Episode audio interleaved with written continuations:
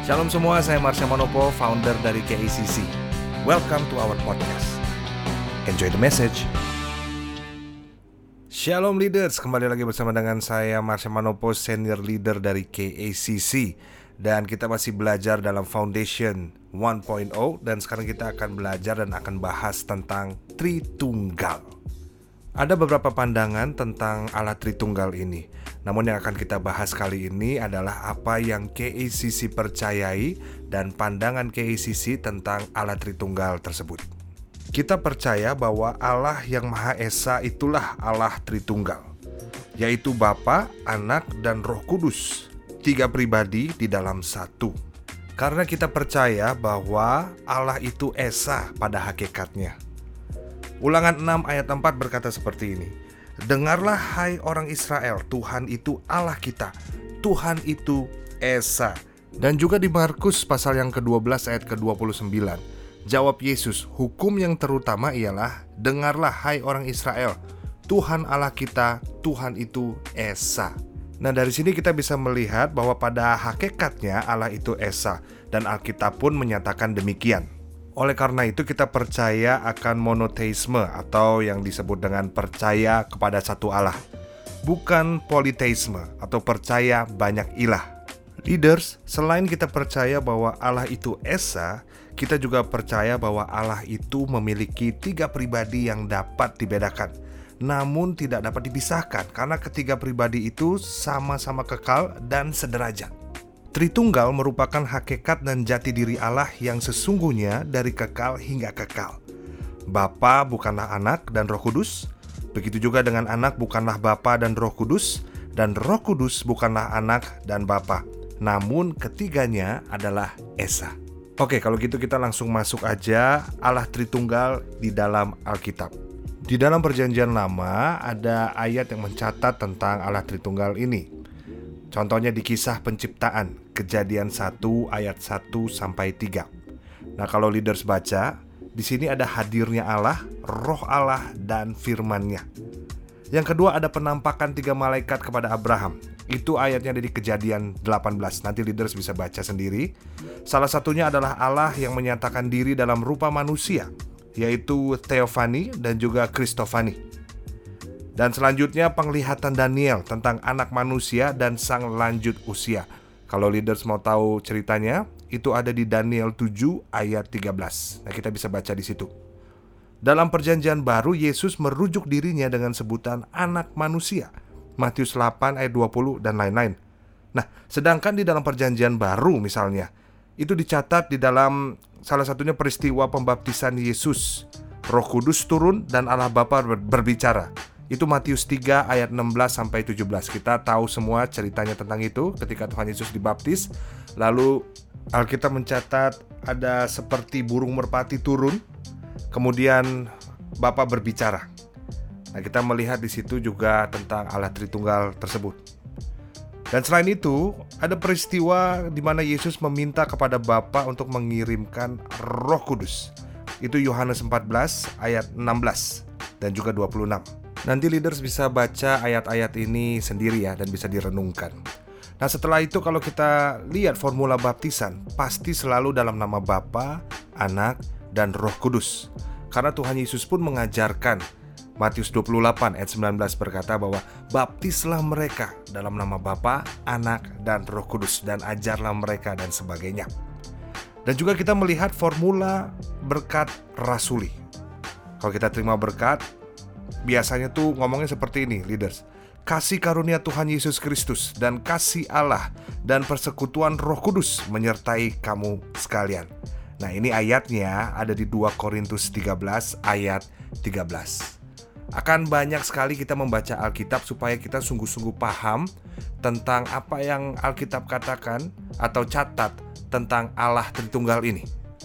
Leaders, Walaupun Allah itu Esa, namun Alkitab mencatat tentang perbedaan pribadi dari kealahan itu. Misalnya, dalam doa Bapa kami, Yesus mengajarkan agar kita berdoa kepada Allah Bapa. Itu Matius 6 ayat 9. Yesus sendiri berdoa kepada Bapa. Matius 26 ayat 36 sampai 46. Dan dalam relasi dengan Allah, Yesus selalu menyebut Allah sebagai Bapa dan dirinya sebagai anak. Yesus tidak pernah menyebut dirinya sebagai Bapa. Nah, oleh sebab itu, menyebut Yesus sama dengan Bapa adalah bertentangan dengan Alkitab dan ajaran Yesus sendiri. Dan juga kita melihat pernyataan Yesus bahwa ia dan Bapa adalah satu. Yohanes 10 ayat 30. Bapa dan anak adalah dua pribadi berbeda, namun juga adalah Allah yang esa. Nah, kalau leaders bingung, mungkin saya berusaha memberikan perumpamaan yang sederhana. Misalnya, ada air hujan, ada air laut, dan ada air danau, ada air minum, segala macam itu ya leaders ya. Nah, itu semuanya sama-sama air, tapi bentuknya saja berbeda ada air hujan yang jatuh dari atas gitu ya leaders ya ada juga air laut kita tahu semua air danau. Tapi semuanya air. Atau misalnya leaders kalau lagi bekerja maka leaders adalah seorang karyawan. Tapi kalau leaders di rumah leaders adalah seorang anak. Ataupun kalau leaders sudah menikah leaders adalah orang tua Nah, kalau di luar, leaders adalah sebagai teman. Tapi itu adalah pribadi kita juga, tetap pribadi kita. Cuman kalau di rumah kita menjadi seorang ayah, di kantor kita menjadi seorang karyawan, dan di lingkungan kita menjadi seorang sahabat. Pribadi yang sama, tapi kita memiliki peranan yang berbeda. Sebagai orang tua, sebagai karyawan, sebagai sahabat, pribadinya tetap kita, tapi peranan yang berbeda. Mungkin itu bisa lebih masuk akal di kita. Kita bisa lebih memahami tentang Tritunggal itu. Jadi itu mungkin bisa jadi penjelasan yang lebih sederhana, yang bisa lebih kita mengerti. Kalau kita tidak mengerti tentang Allah Tritunggal ini, maka akan muncul pemahaman-pemahaman yang keliru tentang Allah Tritunggal tersebut. Nah, ada beberapa pemahaman yang keliru tentang Allah Tritunggal. Yang pertama itu triteisme apa itu triteisme? Triteisme itu adalah pandangan yang mengajarkan bahwa ada tiga Allah yang benar-benar terpisah satu dengan yang lain. Ini sebetulnya adalah salah satu bentuk politeisme. Tritunggal bukanlah triteisme. Yang kedua adalah subordinasionisme. Sekali lagi ya, subordinasionisme. Seperti Arianisme. Nah, Pandangan ini menyatakan anak lebih rendah dari Bapa. Arius mengatakan bahwa hanya Bapa yang kekal, sedangkan Yesus diperanakan atau diciptakan oleh Allah Bapa pada suatu ketika, sehingga derajatnya lebih rendah daripada Bapa. Dan ini juga salah satu pemahaman yang keliru. Dan yang berikutnya, yang ketiga, adalah modalisme, seperti Sabelianisme. Pandangan ini memahami Allah hanya satu pribadi, bukan tiga pribadi dengan tiga moda atau bentuk atau manifestasi yang berbeda. Jadi pandangan ini percaya bahwa Allah kadang muncul sebagai Bapa, kadang muncul sebagai anak, kadang sebagai Roh Kudus. Nah, mereka percaya bahwa Allah Bapa juga menderita di atas kayu salib. Nah, doktrin ini disebut patripasianisme. Wah, seru ya leaders ya apa istilah-istilahnya itu ya. Tapi kita perlu belajar supaya kita benar-benar mengerti tentang Allah Tritunggal ini. Oke, kalau gitu kita langsung bahas saja satu persatu. Bapa, Anak, dan Roh Kudus. Daripada kita tambah pusing dengan istilah-istilah itu ya leaders ya. Oke, langsung aja yang pertama kita akan bahas tentang Bapa. Pribadi pertama, Allah yang Esa. Tadi kita udah belajar bahwa Yesus menyebut Allah sebagai Bapa sebagai sosok yang berbeda dengan dirinya dan Roh Kudus. Nah, hal ini terlihat dengan jelas dalam baptisan Yesus ketika Roh Kudus turun atas Yesus dan langit terbuka. Matius 3 ayat 17. Nah, Matius 3 ayat 17 ini menyatakan ada suara dari sorga. Sorga yang dimaksud secara tidak langsung menunjuk kepada Allah. Karena dalam perjanjian lama sorga adalah tempat kediaman Allah Ulangan 26 ayat 15, 1 Raja-Raja 8 ayat 30, 39 dan lain sebagainya. Sehingga dalam baptisan Yesus Allah berkata, "Inilah anakku yang kukasihi. Kepadanyalah aku berkenan." Matius 3 ayat 17. Ini menunjukkan secara tidak langsung bahwa Allah yang berbicara, berkata, atau menjawab dari sorga adalah Bapa. Hal ini dipertegas dengan doa Bapa kami yang diajarkan Tuhan Yesus, yaitu menyebut Allah di sorga sebagai Bapa dalam ucapan pembukaan doa tersebut. Leaders ingat ya, Bapa kami yang ada di sorga. Itu ada di Matius 6 ayat 9. Dan bukan hanya itu aja, dalam banyak hal Tuhan Yesus menyebut Allah sebagai Bapakku. Misalnya dalam Matius 11 ayat 25 sampai 28. Yesus bahkan berdoa kepada Bapa. Dan ini jelas menunjukkan adanya dua pribadi yang berbeda, yaitu Yesus dan Bapa. Yesus tidak sama dengan Bapa dan Yesus bukanlah Bapa. Keduanya adalah pribadi yang berbeda. Matius 6 ayat 27 berbicara mengenai kedatangan kembali anak manusia, yaitu Yesus Kristus dalam kemuliaan Bapaknya yang menunjukkan dua pribadi berbeda namun dalam satu kesatuan. Coba kita perhatiin lagi leaders. Dalam Yohanes 17 ayat 1 sampai 26. Nanti leaders baca di rumah aja ya.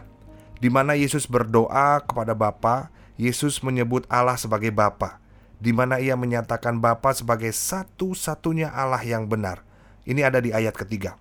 Nah, karenanya Bapa adalah pribadi pertama yang berbeda dengan anak dan Roh Kudus dalam kesatuan. Sekali lagi ya, dalam kesatuan Allah Tritunggal. Itu Bapa. Dan setelah ini kita akan bahas tentang Yesus Kristus, anak Allah dan pribadi kedua Allah yang Esa. Beberapa teks Alkitab cukup jelas menekankan keilahiannya Yesus Kristus. Ketika berbicara mengenai Allah, maka salah satu pokok pentingnya adalah karakter-karakter Allah.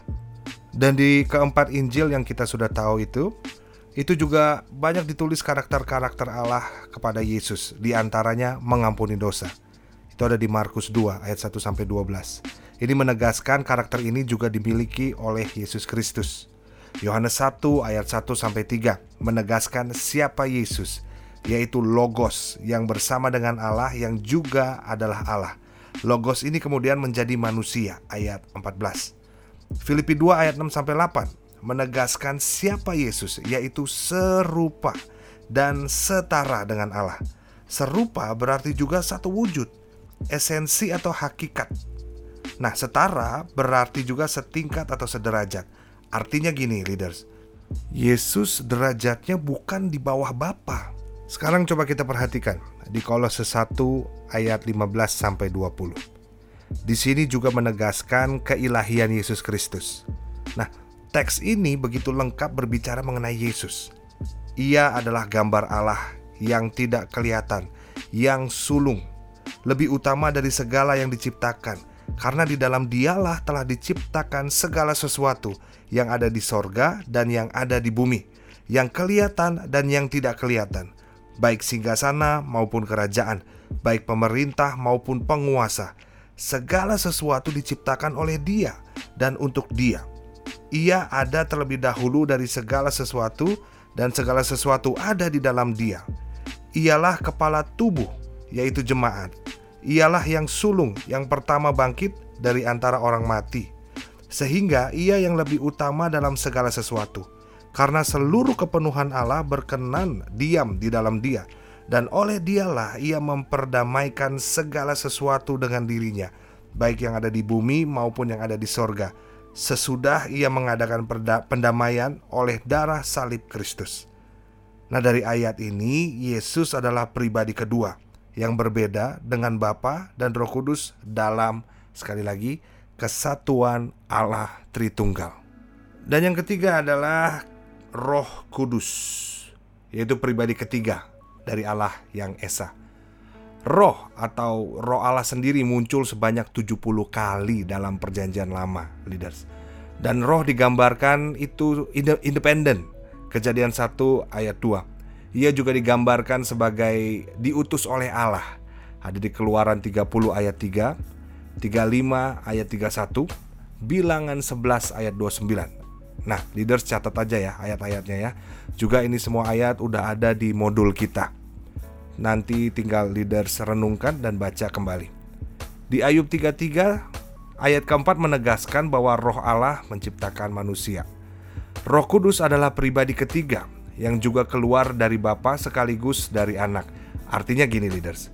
Roh Kudus itu sendiri adalah roh dari Allah sekaligus roh dari Anak. Alkitab menyaksikan bahwa ada roh Yesus dalam kisah Rasul 16 ayat 7. Ayatnya bilang gini, dan setibanya di Misia mereka mencoba masuk ke daerah Bitinia, tetapi roh Yesus tidak mengizinkan mereka. Dan juga dalam Filipi 1 ayat 19, karena aku tahu bahwa kesudahan semuanya ini ialah keselamatanku oleh doamu dan pertolongan roh Yesus Kristus.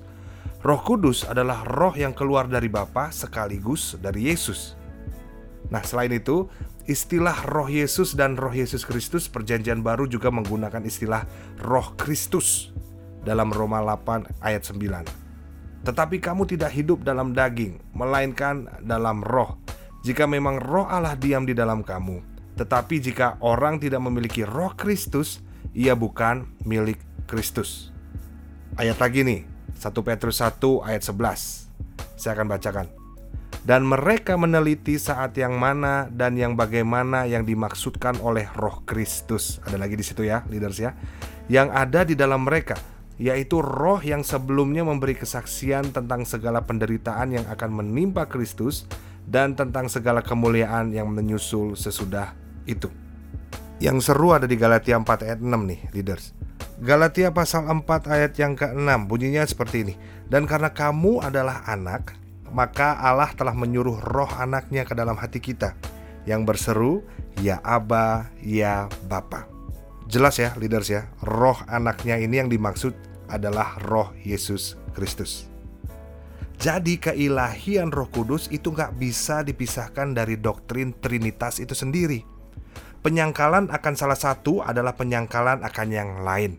Jadi kita nggak bisa nggak percaya sama Roh Kudus, kita nggak bisa nggak percaya sama Tuhan Yesus kita harus percaya bahwa Allah itu Allah Tritunggal, Bapa, Anak, dan Roh Kudus di dalam satu kesatuan yang esa. Tapi memang leaders bahwa perdebatan tentang hal ini, tentang Trinitas Allah ini, itu udah terjadi udah lama banget, udah sangat lama. Dari dulu tuh udah terjadi perdebatan ini. Bahkan pada awalnya gereja pada zaman bapak-bapak gereja enggan menyentuh topik ini. Padahal sebetulnya ini semua sudah ada tertulis di firman Tuhan. Atau kita bisa kasih contoh lagi di kisah para rasul 5 ayat 3 sampai 4 ini jelas memberikan penekanan yang besar pada Roh Kudus sebagai pribadi. Mazmur 33 ayat 6 juga menunjukkan bahwa Roh Kudus adalah pencipta bersama. Dan Yohanes 14 ayat 16 tentang penghibur atau penolong juga menunjukkan bahwa Roh Kudus adalah pribadi. Nah, karena itu, Roh Kudus adalah pribadi ketiga yang berbeda dengan Bapa dan Anak dalam kesatuan Allah Tritunggal. Jadi kesimpulannya apakah? Nah, kesimpulannya adalah meskipun banyak pemahaman atau banyak pengajaran tentang Allah Tritunggal di luar sana, tapi kita belajar untuk tetap beriman, tetap percaya kepada Allah dan berpegang teguh pada ajaran Alkitab yang mengajarkan Allah yang Esa adalah Allah Tritunggal, yaitu Bapa, Anak, dan Roh Kudus. Semoga pelajaran ini leaders lebih memahami tentang Allah Tritunggal tersebut dan leaders bisa menjelaskan tentang Tritunggal ini kepada teman-teman yang mungkin banyak yang kritis gitu ya. Kok begini? Kok Allah beranak? Kok segala macam dan lain sebagainya. Oleh karena itu, yuk kita terus belajar supaya kita bisa lebih memahami, lebih mengerti tentang Tuhan yang kita sembah. Tuhan Yesus memberkati. Oke, setelah kita mempelajari tentang Allah Tritunggal, ini ada beberapa hal yang bisa kita diskusikan. Yang pertama, Sudahkah kita memiliki pemahaman yang benar tentang Allah Tritunggal?